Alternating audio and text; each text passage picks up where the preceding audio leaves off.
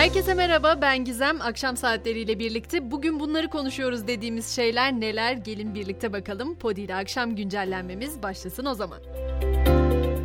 Yargı başlığıyla başlayacağım. Anayasa Mahkemesi HDP'nin kapatma davasının seçim sonrasına bırakılması talebini reddetti. 14 Mart'taki duruşmada partinin esasa ilişkin savunmasını yapmasına karar verdi.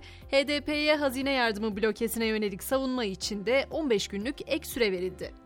Malum önümüzdeki aylarda sıkça konuşacağımız konuysa seçim. Yüksek Seçim Kurulu'nun yeni başkanı da belli oldu. Görev süresi dolan Muharrem Akkaya yerine Yüksek Seçim Kurulu Başkanlığına Ahmet Yener seçildi. Bu arada bir de detay bilgi vereyim hemen. Ahmet Yener, Sayıştay Başkanı Metin Yener'in kardeşi. Öte yandan geçmiş seçimlerde seçmen sayısından fazla oy pusulası basılmasını gerekçe gösteren Liberal Demokrat Parti seçmen sayısı kadar oy pusulası basılması için YSK'ya dilekçeyle başvuruda bulundu. Ülkemizde seçime katılma oranının azami %92 olduğuna da dikkat çekildi.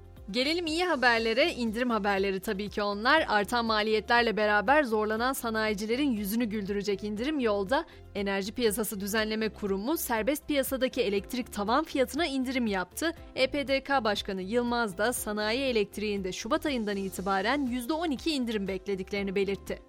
Akaryakıta da yapılan zamlar sonrası bu kez indirim geliyor. Bu geceden itibaren benzin ve motorinde 60'ar kuruş indirim bekleniyor.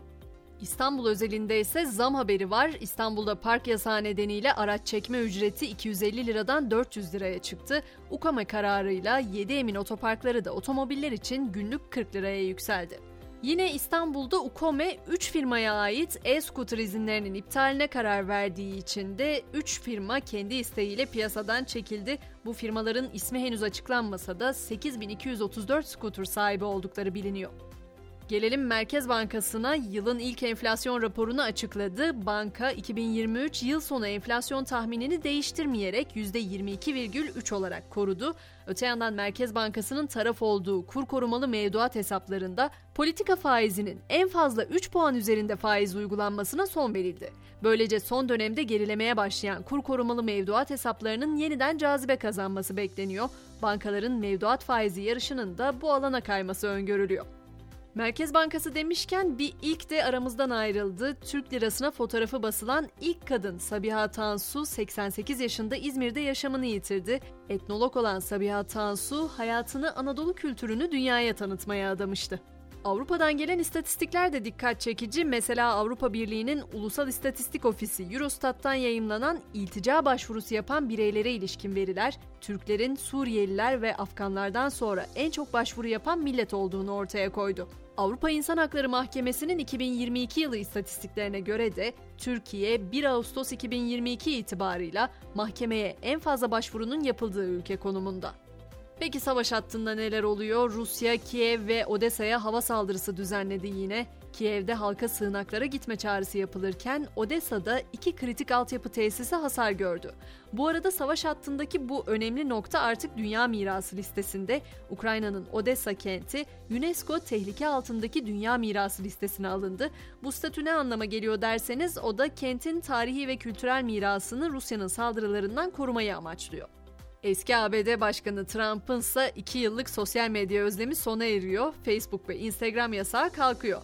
Meta, Trump'ın hesaplarının askıya alma işleminin önümüzdeki haftalarda sona ereceğini duyurdu.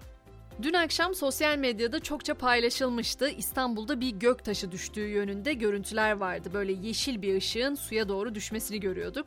İşte o acaba bu haberden mi kaynaklanıyordu diye merak ettim ben okuduğum zaman. Hemen size de anlatayım. Kamyon büyüklüğündeki bir asteroid bu akşam dünyaya rekor bir şekilde yaklaşacak.